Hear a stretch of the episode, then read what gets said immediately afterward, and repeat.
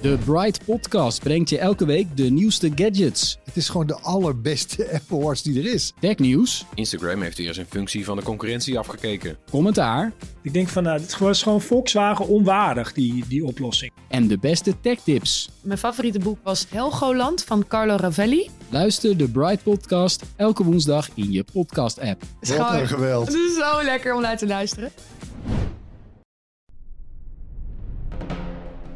Daar zijn we weer. Welkom bij DinoCast, maar wel bij een speciale aflevering. Want in een serie van vier extra podcasts tussen seizoen 2 en 3 in, geven Maarten en ik je een exclusief kijkje achter de schermen van de Dino TV-serie die we dit jaar van onze podcast hebben mogen maken.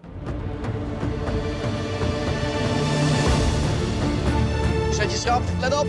Daar gaan we. Maarten van Rossum en ik, Gijs Rademaker, zijn van kinds af aan enorme fans van dinosauriërs. Reizend door Amerika ontrafelen we de geheimen van onze prehistorische vrienden. Dit is Maarten en Gijs op dinojacht. Ja, Dinojacht is te bekijken op Videoland. Nou, als je nog geen abonnement hebt, dan kun je lid worden. En als je nou denkt dat dat super duur is, je kunt ook een maandje lid worden. En de eerste twee weken, die zijn al gratis. Dus doe dat vooral en ga genieten van onze serie. Die telt vier afleveringen. En dit is dan ook de eerste van vier extra podcasts. En het is dus belangrijk dat je eerst aflevering 1 kijkt voordat je deze achter de schermen aflevering verder luistert. Anders zul je er weinig van begrijpen. De komende minuten kom je erachter wat Maarten het meest haat in de hele wereld. We gaan je vertellen hoe het filmen van deze aflevering totaal in de soep liep en hoe we dat toch hebben weten te redden. Je leert alles over de mechanische T-Rex van Jurassic Park en je weet zo meteen wat Maartens favoriete ontbijt, zijn favoriete ijssmaak en favo fruit is. Dit is DinoCast.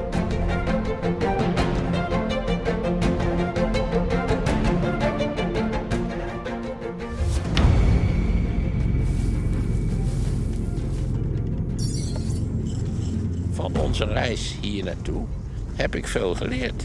Ik weet nu precies hoe het zit met die dino's. Ja, voor mij is dit echt een jongensdroom die, eh, die uitkomt. En dat ik die met jou mag beleven, ja, daar ben ik ontzettend dankbaar voor. Kijk, ik heb hier twee glazen. En wat is dit voor de luisteraars? IJsblokjes. IJsblokjes.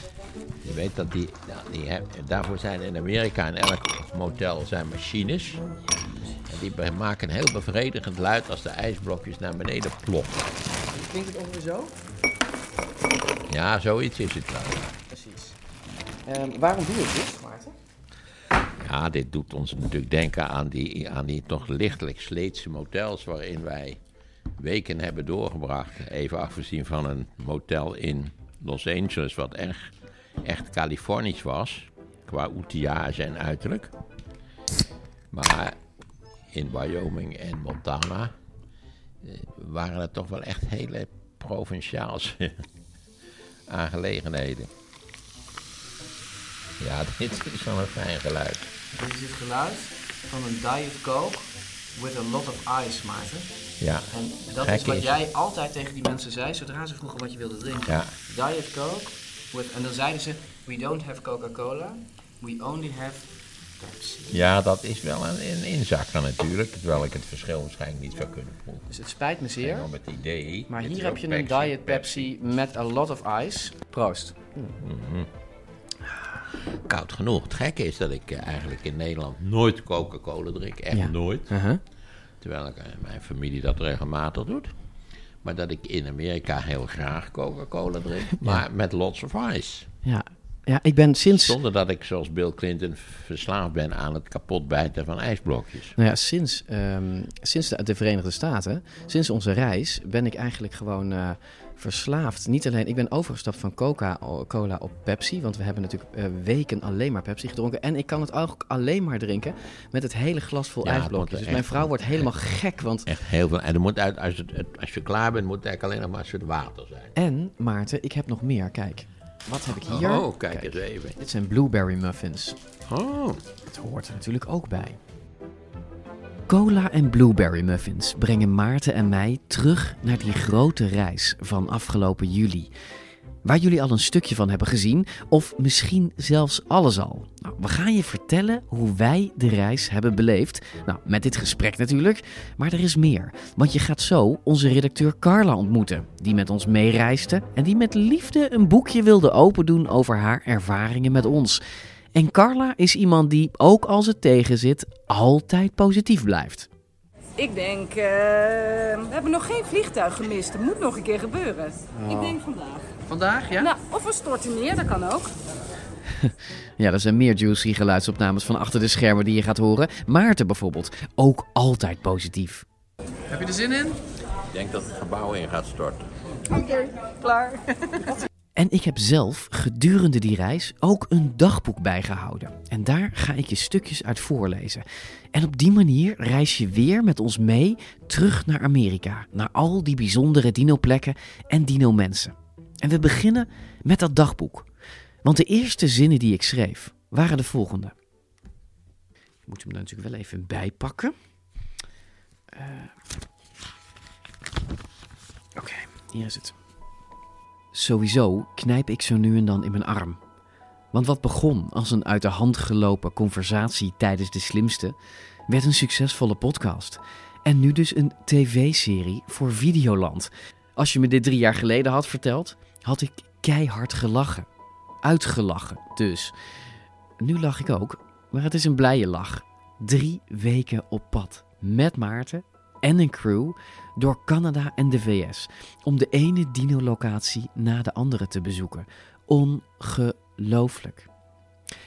En ongelooflijk spannend natuurlijk. Een vrij moordend draaischema, kriskras door Noordwest-Amerika, plus natuurlijk Jerm Heller. Benieuwd wat we gaan beleven.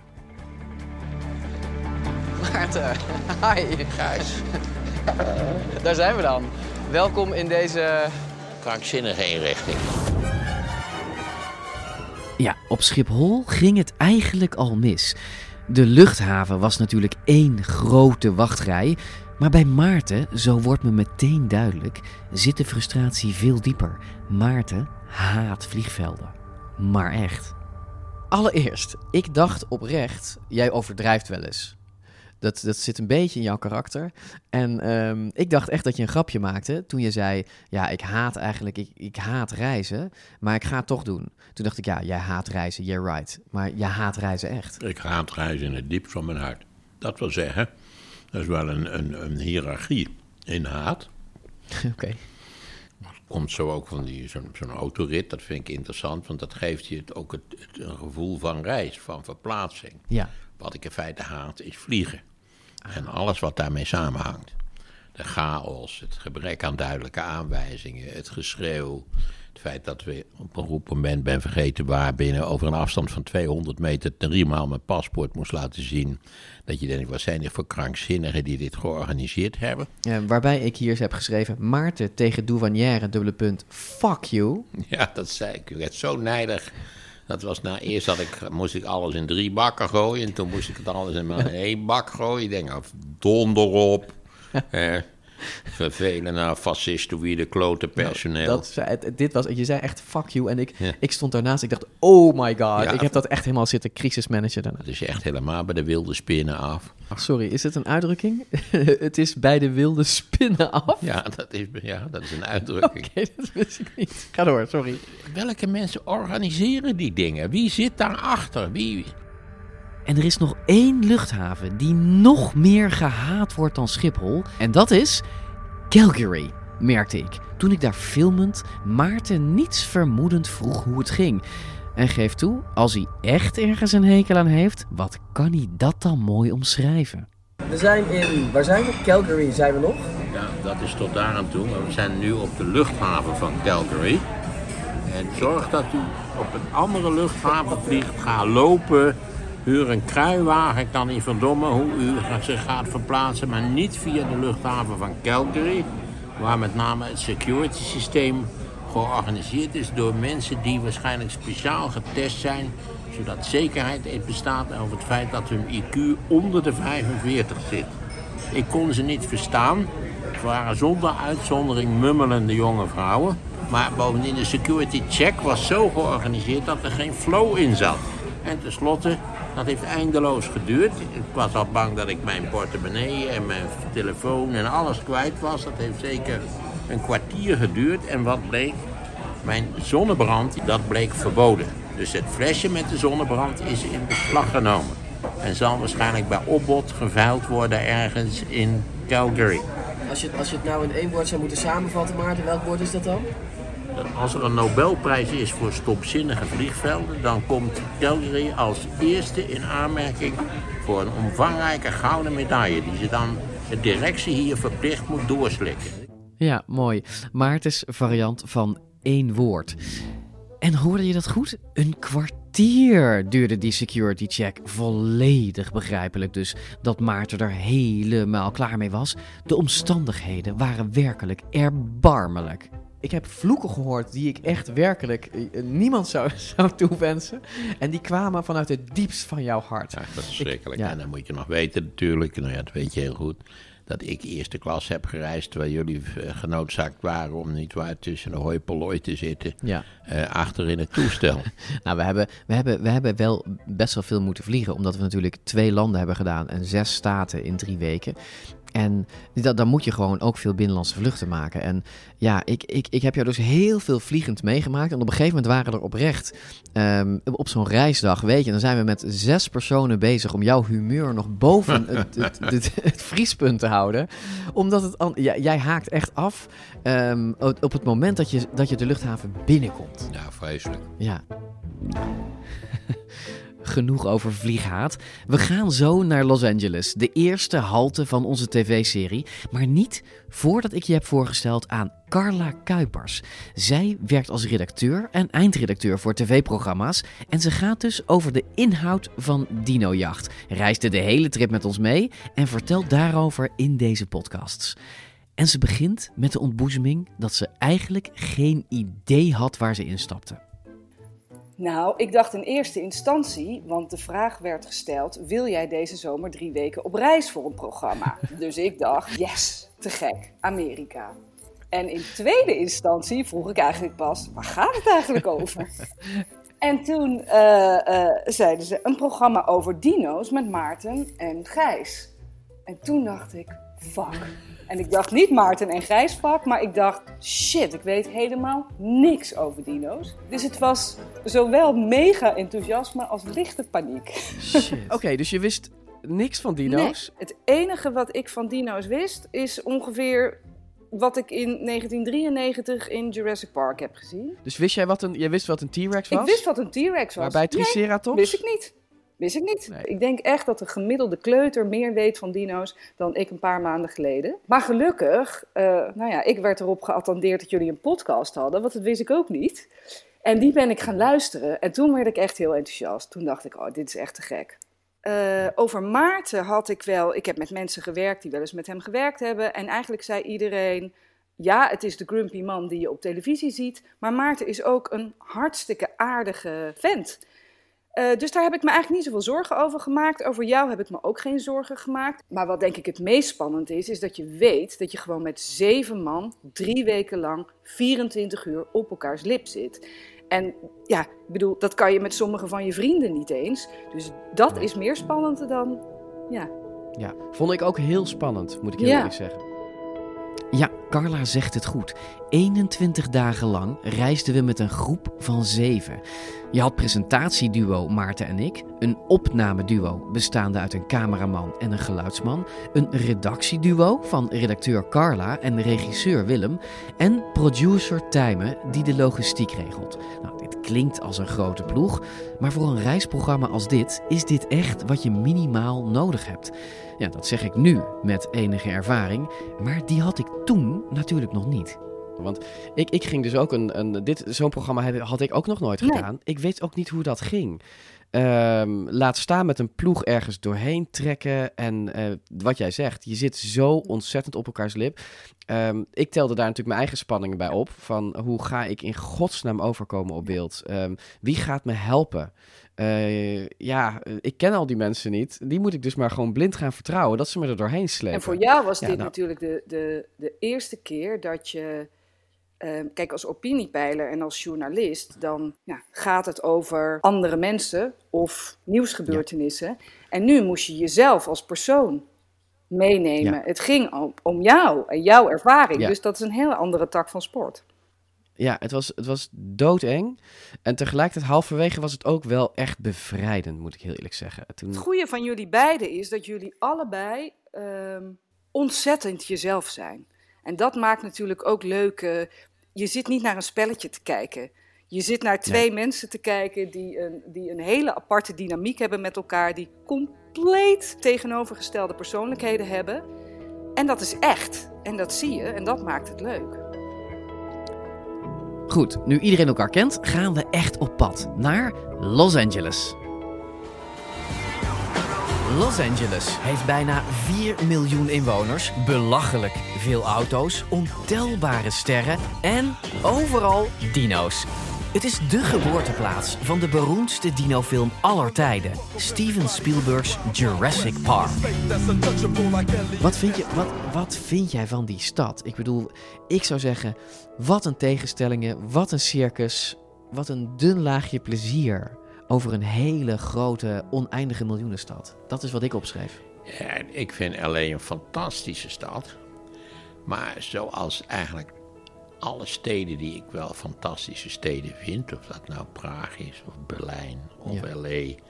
Eh, LA, maar ja, kijk, wij waren natuurlijk ook enigszins veroordeeld tot de toeristische sector van de stad. En die is van de bekende verschraalde treurigheid.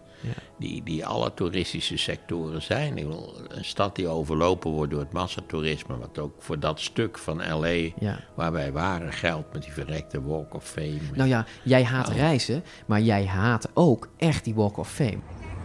Welkom in Hollywood, Maarten. Ja joh, dit is zo'n flauwekul. Vreselijk werkelijk. Het zijn sterren, Treurig. kijk. Ellen DeGeneres. Treurigheid proef. Ja, ik vind dat zo'n flauwekul. Waarom? Ja, sowieso. Ik vind Het is plezier, of niet? Is dat nee, erg? het heeft niks met plezier te maken. Het heeft te maken met de verering van, van laten we zeggen, van, van nou ja, laat maar in de ruimste zin van het woord mediapersonen zeggen. Film, filmsterren. Dat eindeloze gezeik over zangeresjes en met wie ze het doen en of ze het wel of niet doen en dat ze gaan scheiden en een kindje krijgen. Ze krijgen ook allemaal kindjes, waarom ze niet normale kinderen Die Walk krijgen. of Stars, die, dat symboliseert dit voor, Voor mij jou, die dit wereld, ja, die, die wereld van, van schone schijn die eigenlijk in allerlei opzichten betekenisloos is. Ik, ik, we reden door LA en ik was daar voor het eerst. En natuurlijk ben je betoverd. eh, je- alleen je realiseert je meteen dat het een flinterdun laagje is. Zeker, we reden langs, midden in het centrum, druk, toeristisch. En daar liep, ik weet niet of jij dat gezien hebt, daar was jij misschien niet bij of je zat in de auto daarvoor. We reden langs een, een, een, een, eh, hele gezette, een dikke, naakte vrouw. Die duidelijk verward, helemaal bloot, daar over straat liep. Dat heb ik weer En het gemist. leek, het leek alsof niemand daar wat aan deed. En Nee, wij reden daar langs. Wij konden, Waarschijnlijk doet niemand dat wij zijn aan. een cameraploeg, wij reden langs. Wij, wij wisten ook niet... En ik heb, ik heb dat, dat beeld nagekeken, lang. En ik heb, dat, ergens raakte me dat heel... Ik dacht, ik dacht jee. Ja, verdwaald in hun stad. En Ja. als dat niet geen behoorlijke GGD is, Nee. dan moet je in Nederland trouwens ook maanden op Het had iets dwaas. Ook door alle glitter en glamour eromheen waar ze doorheen liep. Ja, een dun laagje glitter. Dat is wat het was. In deze glitterstad gingen we het verhaal opnemen van aflevering 1. Van hoe de dino's van Jurassic Park dinosauriërs tot leven hebben gewekt. Maar ons beeld van die dieren tegelijkertijd hebben beïnvloed. Of, zoals we in de serie zeggen, Dit is de plek waar Jurassic Park is bedacht, verbeeld. En vervolgens is het hier verkracht. Vervolgens is het hier verbeeld. En om dat verhaal te vertellen hadden we twee belangrijke filmlocaties gepland: een museum en natuurlijk Universal Studios, het filmpretpark met enorme Jurassic Park attracties. Maar dit hele plan versplinterde voor onze ogen nog voordat we in LA waren geland. Onze hele eerste aflevering was eigenlijk gebaseerd op Universal Studios. Dat was de plek waar we de Jurassic Park dino's zouden gaan zien. Dat was de plek waar wij Jurassic Park zouden kunnen verbeelden. En waar jij en Maarten nou ja, een soort van levensechte rondlopende dino's uit Jurassic Park konden zien. En er zat natuurlijk een iconische scène aan te komen waarbij Maarten in een bootje langs het dino's zou Ja. drijven. Nou, daar, daar, dat, daar had ik me echt al maanden ja, op verheugd. precies. Ja. We wisten dat het heel moeilijk was om toestemming te krijgen. Maar daar zijn we maanden van tevoren mee begonnen. En vlak voordat we op reis eh, gingen, kregen we groen licht. Er werd zelfs een, een prijs genoemd. eh, alles leek in kannen en kruiken. Er werd een mail gestuurd met voorwaarden waar we aan moesten voldoen. Waar we ons moesten melden bij wie. Dus wij dachten echt, yes, het is gelukt, Universal Studios. Ja. En toen opeens kwamen er extra mailtjes binnen met een soort aanvullende voorwaarden. Opeens moesten we PCR-testen gaan doen allemaal, wat helemaal niet meer gebruikelijk was in Amerika. En ik denk dat wij op, we zouden op een maandag, zouden we Universal Studios binnengaan. Op vrijdagmiddag Ja. kregen we, nou, vlak voor de sluitingstijd van zo'n kantoor een bericht. Jullie moeten nu een volledig script inleveren. Want blijkbaar moesten er nog drie andere partijen beslissen of we op maandag toch wel naar binnen mochten. Hadden ze ons nooit eerder verteld. Ja, en dat. Je wist gewoon dat het ook nergens op sloeg, dat het script ons ook niet zou gaan redden. Nee. Ze hebben gewoon keihard de deur voor ons dichtgegooid en we hebben ook nooit meer wat van ze gehoord. Dus waarom is ook onduidelijk. Maar ja, daar kunnen we heel lang bij stilstaan. Maar zo gaan dit Ja. soort dingen. De truc is, dan heb je eigenlijk twee dagen om, terwijl we nog aan het reizen zijn en andere opnames aan het, nee, aan het maken zijn, Ja. hè, hebben we twee dagen om aflevering 1 te redden. Nogal een essentiële aflevering. Oké, even een updateje. Eh, dit is het hotel. Dat is een fantastisch hotel. Laten we daarmee beginnen. Verder is het best wel crisis. De plannen die we hebben mislukken gewoon. Het team is ook eh, echt heel hard bezig. Iedereen werkt er ontzettend hard aan. Maar het is gewoon, eh, het lukt gewoon niet. Met nog anderhalve dag te draaien voor aflevering 1 is dat gewoon problematisch. En nou, iedereen houdt de moed erin en werkt keihard. En we kijken gewoon waar het uitkomt. Oké, eh, even achteraf. Wij zitten hier chill achteraf, want aflevering 1 is gered. Zeker. Ehm, en meer dan, want ehm, eigenlijk denk ik dat we het zelfs leuker hebben gemaakt dan Universal Ik denk Studios. het ook. Voor mij persoonlijk wel. Ehm, want vertel even, hoe, hoe gaat dat dan? Je hebt, je hebt twee dagen, effectief maar een paar uur tussen al het reizen en draaien Ja, door. dat is echt Hoe- verschrikkelijk. Hoe, hoe, doen ja, we dit? Dan, dan ga je met z'n allen een soort van op reis. En ook met een hotline met, met kantoor in Nederland. Hè? Want je moet je voorstellen, in Nederland eh, zit ook nog een deel van het team. Zit ook nog een producer, zit een eh, redacteur, Walter. Die echt dag en nacht, terwijl wij op reis waren, ook met ons programma bezig was. Want steeds als er een calamiteit was of er lukte weer iets niet... dan werd het ook vanuit Nederland, ging men aan de slag om het op te lossen. Het, het, is, het, is, het is geen fun Ja. trip. Waarbij je even drie weken la la la, shalali, Nee. relaxed van zwembad naar Nee. zwembad rijdt. We hebben geen zwembad Nee. gezien. Eén, hè Carla? De laatste dag. De allerlaatste En ik ben dag. de enige die Eh, erin is geweest. Gewoon om zeven uur 's ochtends, omdat het kon. Vijf minuten. Gewoon omdat het kon. Ja. Ehm, eh, eh, maar het is gewoon een heel heftig proces. Oké, en, en, en hoe, hoe gaat dat dan? Ja, wat het, wij zijn natuurlijk in de aanloop van dat produceren, van waar we allemaal naartoe konden, hebben we heel veel mensen eh, aangeschreven. En eh, het geluk wil dat we denk ik iets, toen het een beetje begon te modderen met Universal Studios, dus dat was al voordat we de definitieve nee kregen, voelden we natuurlijk aan ons water dat het wel eens mis zou kunnen gaan. En toen heeft eh, Walter, de redacteur die in Nederland zat, die heeft wonder boven wonder geregeld dat we naar eh, Icons of Darkness konden. Icons of Darkness. Nou, toen ik dat voor het eerst hoorde, dacht ik dat mijn team gek was geworden. Een soort horrorhuis. En dat is het ook. Want de originele Hellraiser staat er naast de Terminator, de Gremlins, de griezelige aliens uit Alien. Alle originele filmprops staan in dit museum op Hollywood Boulevard. Zelfs die enge moordpop Chucky is er. Maar Chucky kijkt wel uit op, inderdaad, de stukken waar ieder dino-liefhebbend hart sneller van gaat kloppen. Kijk eens, de Brachiosaurus. Hier de Raptors, het raptor-eitje wat uitkomt. De grote Spinosaurus. Alles wat je hier ziet is echt uit de film. Ja, goed, ik ging dus helemaal los daar. Zo bijzonder was het. Ze hadden geregeld dat het museum speciaal voor ons even dicht ging. En als klap op de vuurpijl dat... Dat acteur en ja, poppenspeler Matt Winston, gewoon de zoon van de grote Stan Winston, eh, iemand die zelf aan Jurassic Park heeft meegewerkt, dat hij gewoon bereid was om mee te werken. Ja, dat was geweldig. Dat was gewoon echt Nou, zo'n was- cadeau. Dat heeft alles gered. Ja, ik, het, was, het was bijna karma. Ik Ja. dacht, wij ver, verdomme, wij verdienen dit. verdienen Ja. dit. Ja. Maar het was, het, het- ik bedoel, ik vind het veel leuker om de echte Jurassic Park poppen Ja. te zien. En stiekem heel even aan te raken. En, eh, en, met, en met Matt te spreken over wat hij deed en zijn rol. Echt veel mooier dan in zo'n bootje stappen en langs een mechanische dino varen. En zo verlegden we dus het verhaal van aflevering 1 van Maarten en mij in dat bootje naar het ontmoeten van Stan Winston, de zoon van de legendarische Hollywood poppenbouwer Matt Winston. Among the many heroes of this incredible feat of special effects filmmaking was Stan Winston.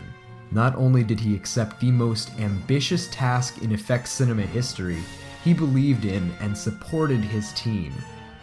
He gave them the resources and time they needed to make this project a success. Winston werkte zij aan zij met Spielberg aan het allergrootste project van zijn leven. De mechanische, vloeiend bewegende Tyrannosaurus Rex uit de eerste film. Niemand had zoiets ooit eerder gedaan, maar Winston bouwde met zijn team een life-size animatronic van 5500 kilo, elektrisch bestuurbaar en bedekt met Waar moet je beginnen? Dit is de T-Rex van Jurassic Park 1. En je ziet dat hij oud is. Je ziet rond zijn ogen, zie je dat het al een beetje uit elkaar begint te raken. Het, het, het- ja, dit is gewoon schuim. Juist, schuimrubber.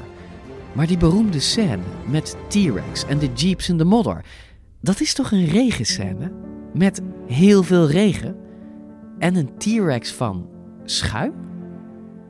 Rexy was ready for any challenge the scene would call for. Except for rain, which was a huge part of the scene. Water and animatronics, not good bedfellows. During filming, the pouring rain would soak into the Rex's latex skin, causing the machine to shake uncontrollably. This was because the team had carefully calculated her weight so that the movement would work properly.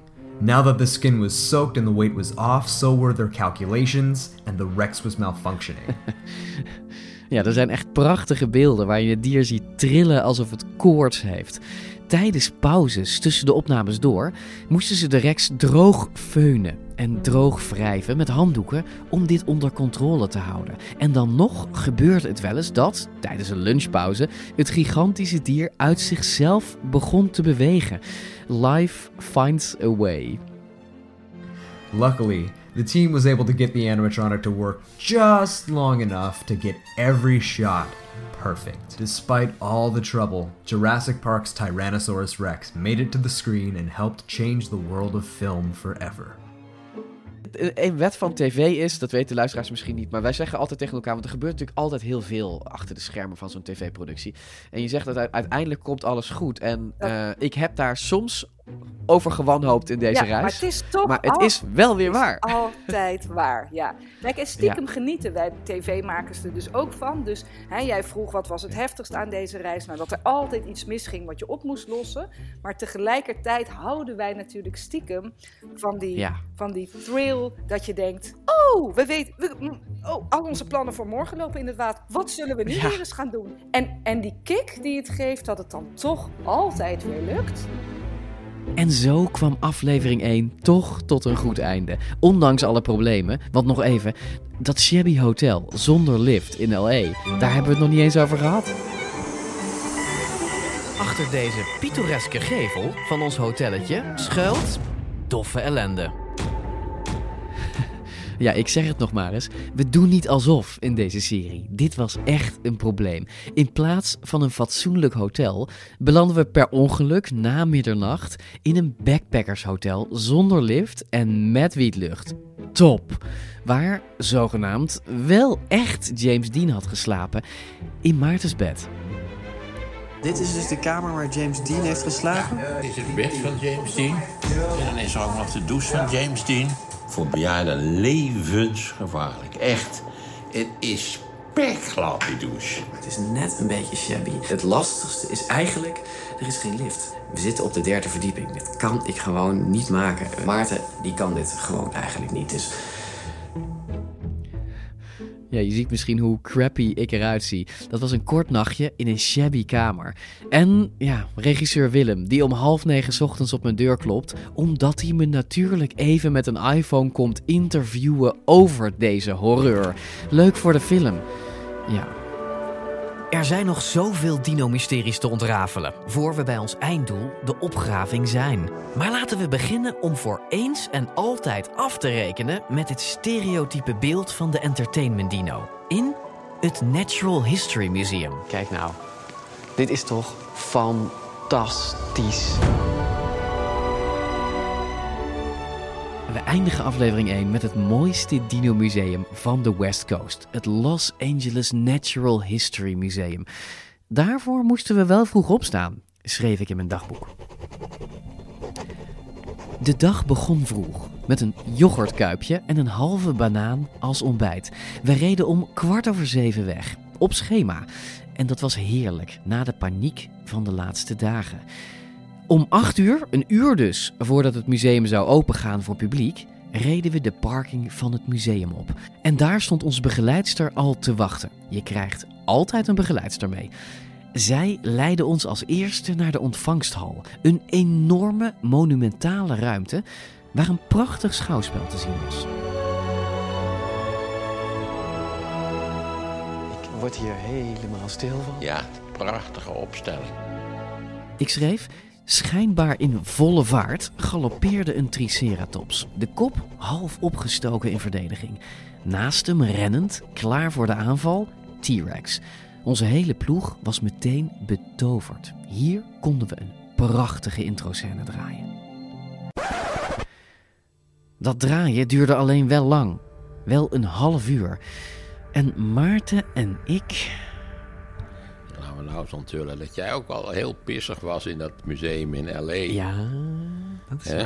Ja, zeker. Dat toch een eh, Toen was ik, toen was ik er helemaal klaar mee. frictie eh, eerste klas, Zullen we toch? dat nog even vertellen? Ja. Hoe, hoe kwam Want- dat? Ja, dat kwam natuurlijk. Het is een schitterend museum. Ja.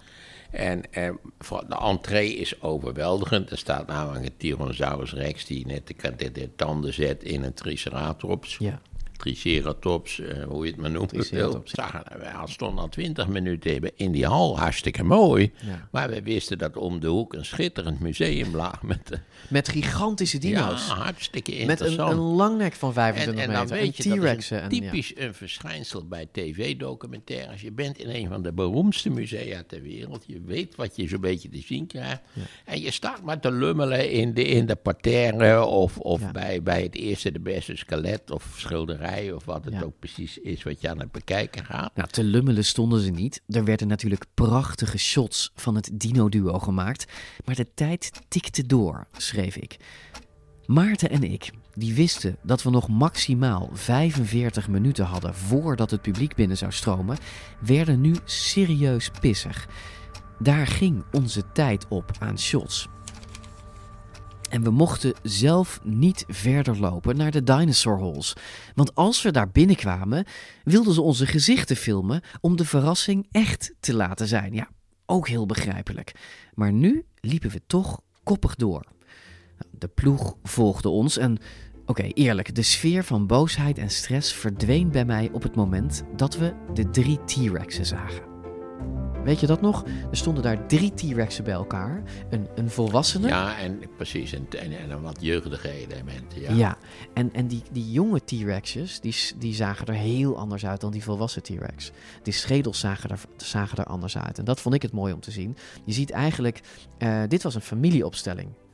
Eh, in plaats van een jagende, Als het familie was geweest natuurlijk, dat weten we niet. Nee, nee, oké, maar in principe. Weten misschien, jo- joegen ze wel samen met hun ouders, dat weet ik niet. Die, bij- bijvoorbeeld bij wolven wordt het, wordt, wordt de kleintjes toch geleerd hoe je jagen moet. Ja. Want die wolvenjacht, dat is een goed georganiseerde onderneming. Ja, ja, Eh, ja. Misschien deden was T-Rexen hier- dat ook was wel. Die ook wel zo, dat Ja. weten we dus niet met zekerheid.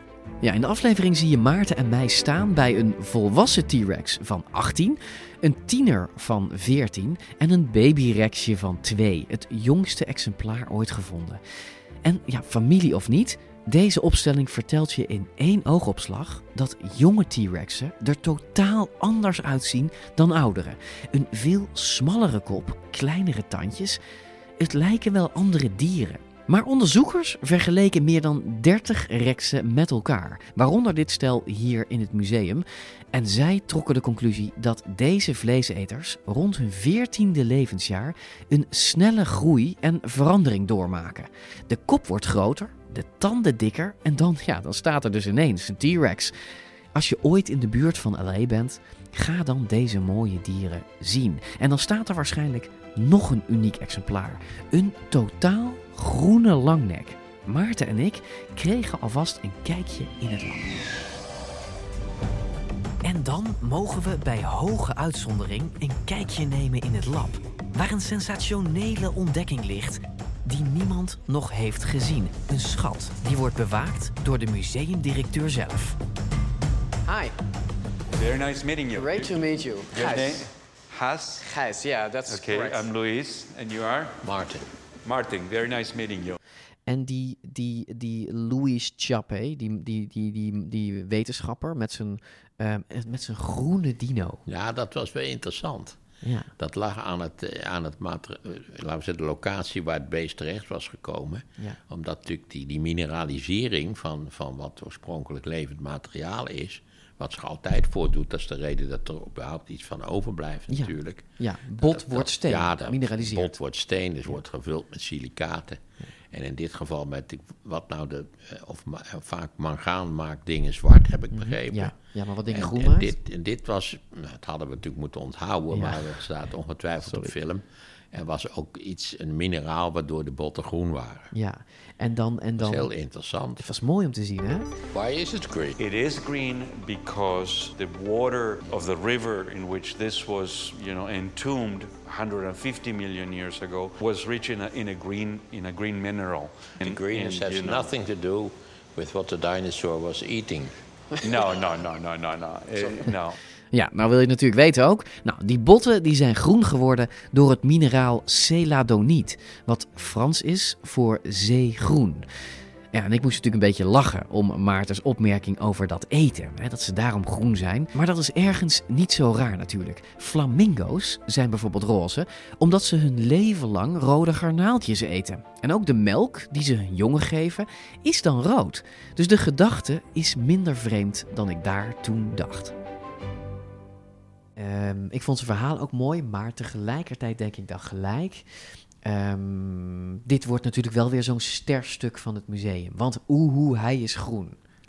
Dat zal misschien zo zijn, maar hij, hij was wel een, een, een topman op het Ja. gebied van de. Van de Nee, een van de van meest de vooraanstaande dino-wetenschappers van de VS, hoor, deze man. Daarom. Ja, ja, dus ik moet daar respect voor hebben, Vond bedoel wel- jij? Ja, ik vond het wel een sympathieke baas. Sympathiek of niet, het museum heeft al aangekondigd dat dit een uniek topstuk wordt in hun nieuwe gebouw. Ze hebben het dier Gnetale genoemd, met een G aan het begin. En ze omschrijven het als the first green dinosaur skeleton to be shown worldwide. I rest my case. En over show gesproken. Als het gaat om televisie maken met Maarten, viel me nog iets op. Loopjes, kunstjes. Ja, ik heb, jij, jij hebt heel vaak het woord kunstjes genoemd. Ja, ik ben enorm tegen kunstjes. Wat zijn kunstjes? Alles wat. wat de- en dat, je specia- dat je helemaal geen zin hebt in een ijsje, maar dat je een ijsje eet omdat de, roer- de regisseur dat een lollig ideetje vindt. Of dat je over de Walk of Fame moet, terwijl je dat volstrekt totaal een weerzinwekkende onzin vindt. Eh, maar omdat dat ding er nou eenmaal is en wereldberoemd is en, en iedereen wel een of andere favoriet heeft die daar... ik zocht Kate Winslet, daar is niks mis mee. Oh, Kate Winslet, die zou zich ook moeten schamen dat ze zo'n klote ster heeft gekregen. Eh, ja, nou ja, dan natuurlijk het loopje. Het loopje, ja. Daar weigerde jij er meer dan drie van op te doen op een dag, hoorde ik, hè? Ja, keer. mijn limiet is drie. Mijn zuster deed helemaal niks. Nou, dit is al heel wat, bedoel je? Mijn, mijn zuster Zaliger heeft bij, bij Sky High, productiemaatschappij van het programma met, met, met, wat ik met mijn broer en mijn zus heb gemaakt, heeft ze twee A4'tjes ingeleverd met wat ze niet deed. Van, laten we zeggen, het cement in de meeste tv-programma's. Nou ja, Je ik- kunt namelijk, als je een beetje, een beetje leuk monteert, heb je al die flauwekul niet nodig. Vrijwel alle kunstjes zijn, zijn bedacht om, om de montage te vergemakkelijken. Of om er een voice-over op te zetten. Of nou ja, gaan ze maar door. Ja, je bent de team natuurlijk een enorme hoeveelheid tijd kwijt. Ja, we waren er wel. Maar ze luisterden, en uit. Ze luisterden best goed naar jou, hè? Ze hebben zich gehouden aan die drie loopjes. Dat, dat viel mij. dat die is al heel. Dat is wel waar. Die had, er, die had de winter goed in. En je hebt natuurlijk de re- onze regisseur eh, Willem. eh, Die heb je soms echt tot waanzin gedreven. Oh, dat viel nog wel mee. Nou, mij, eh, maar- je kan het woord Apple TV Plus mag je echt Oh ja, dat niet meer uitspreken. Apple TV Plus. Kun je dat nog één keer? serie. Waarom deed je dat? Prachtige serie. Ja, mensen, Maarten, eh, en terecht, hè, dat hebben wij hier in deze podcast wel vaker verteld. Apple TV Plus heeft een fantastische dino- dino-serie gemaakt, die heet Prehistoric Planet. Maar onze regisseur Willem, die had er een beetje moeite mee dat Maarten echt, eh, zeg maar, één, één keer per dag in opnames voor Videoland voortdurend Apple TV Plus noemt als reden om naar te kijken. Switch je nu weg, ga naar Apple TV Plus, daar is een fantastische Ja. serie. En dan zag je Willem weer helemaal gek worden. En op een gegeven moment heeft hij ook gezegd... Maarten, ik kan hier niks mee. Ik kan hier niks mee. Oh, dat ben ik helemaal vergeten. Ja, dat ben je vergeten. Nou, Apple TV Plus is, is 200 miljoen dollar ingestopt, als Ja. ik het wel heb. Ja. Wat zou er in ons programma zijn gestopt? Nou ja, dat weet ik niet, maar... eh, het- geen minder. miljoen. Nee, zeker niet. Eh, Nog, nog even een, een dingetje wat, wat, wat ik ook echt stiekem heel grappig vond, maar wat, wat de regie soms echt tot waanzin heeft gedreven, is dat jij zei, eh, dan, dan, dan zei de regisseur heel lief, eh, Maarten, sorry, we moeten even nog opnieuw, eh, kun je die vraag nog één keer stellen? En dan zegt Maarten het als volgt, zegt, zegt dan, yes, well, the, eh, the director asked me to ask this for the third time already. How are you feeling? Eh, met andere woorden, hij kan ook die derde keer niet gebruiken, omdat je het zo zegt. Dat het niet... Ik, heb, ik ben er dol op met, om de regie, regie te treiteren door te zeggen... ja, eh, de, regisseur staat nu met wel nee te schudden... maar daar ben ik het helemaal niet mee eens. Want dat, dat, dat maakt het enorm lastig. Ja, enorm lastig, maar leuk lastig, eh, Maarten. We zijn bijna aan het einde van deze eerste behind the scenes aflevering. Maar zoals je weet is er altijd een toetje. Ook hier. En dat bestaat uit het laatste bijzondere deel van mijn reisdagboek. Ik wil, ik wil het, het, het- de laatste twee bladzijden wil ik met jou doornemen. Want ehm, ik, was, ik was klaar met schrijven en ik dacht, ik mis toch een paar dingetjes. En ik heb ehm, daar een lijstje van gemaakt. En dat heet Wat we over Maarten geleerd hebben. Ja, ik ben heel benieuwd. Dus ik lees voor en dan mag jij reageren. 1. Favoriete lunch? Omelet met stukjes tomaat erin en verder niets erbij. Zo is het. Geen rotzooi op mijn bord. Favoriete fruit? Dubbele punt. Zeg het maar. Favoriete fruit, een banaantje. Banaan, precies. Tevens zet ik erbij favoriete ontbijt, right? Ja, heerlijk licht, een banaan, makkelijk te eten. Geen redonder, ja. Jij had de helft van de tijd geen, geen ontbijt. Jij wilde alleen een banaantje. Ja. En toen is Tijmen op een gegeven moment in Los Angeles nog bananen speciaal voor jou gaan halen. En dat waren bakbananen. Oh ja. Ja. Heb je die nog gegeten eigenlijk? Nee, volgens mij niet. Volgens mij ook niet. Oh, Nee. lieve jongen, die Tijmen. Ehm, favoriete snoep? Favoriete? Snoep. Snoep. Ja, jij rekent het misschien niet tot snoep, maar ik bedoel kleine smintpepermuntjes. Ik heb Oh. hierbij geschreven tonnen. Ja, ja, nee, nu, vandaag waren ze op, dus dan ben ik al gehandicapt. Nou, in de VS eh, heb, je de, heb je best... eh, Ze hadden geen smint en dat was een- wel een groot probleem natuurlijk. Ik heb, ik heb jou wel dus in... in ehm, op een gegeven moment begon jij naar een zoektocht naar die smintjes. Ik heb jou dus voortdurend in elk tankstation zo Ja. lichtelijk geheim verdwaald zien dwalen op zoek we zijn naar de snoep. nog in een winkel geweest waar die, die alleen maar snoep verkocht. Ja. Heb je dat toch? En geen smintjes. echt alles, en maar geen smint. Heel fijn. Ken ik een Europees. Favoriete ijs? Vanille. Ja, maar ik heb geschreven Cornetto.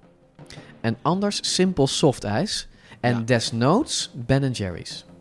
Maar dat is Ja, desnoods. desnoods dan. Precies, dat is een noodgreep. Ja, als het dan vanille-ijs... Ik, ik was enorm verrast over de afwezigheid van toetjes in Amerika. Nou, Het toetje gaf voortdurende problemen Eigenlijk serveerden ze geen toertjes, het kon ze allemaal geen bal schelen. te zeggen, als er nou één IJsland is, is het wel de Verenigde Staten. En wij aten, wij aten in, in Glendive, in Montana, een klein dorpje, aten we elke avond noodgedwongen in hetzelfde restaurant. En Maarten had op een gegeven moment de traditie dat hij wilde graag als toetje twee bolletjes vanille-ijs. Ja, zonder gekloot daarbij. Met hè? slagroom, toch? Of niet? Wel met slagroom. Ja, precies, met slagroom.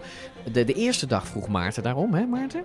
En de tweede dag kregen wij dat door en bestelden we dat ook. En de derde of, of de vierde dag was het uiteindelijk was het ijs op. Dus Ja, in dat dorpje was op. het ijs op.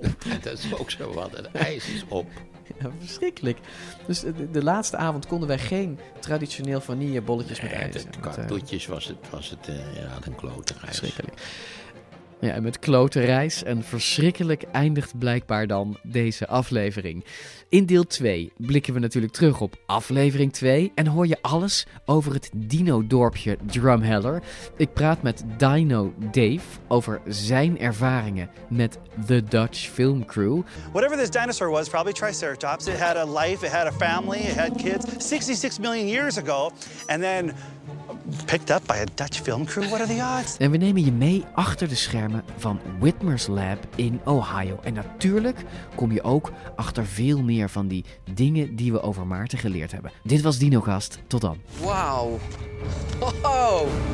Oh, oh, oh, oh, oh, oh, oh, oh, oh. It's almost unreal. It's almost unreal.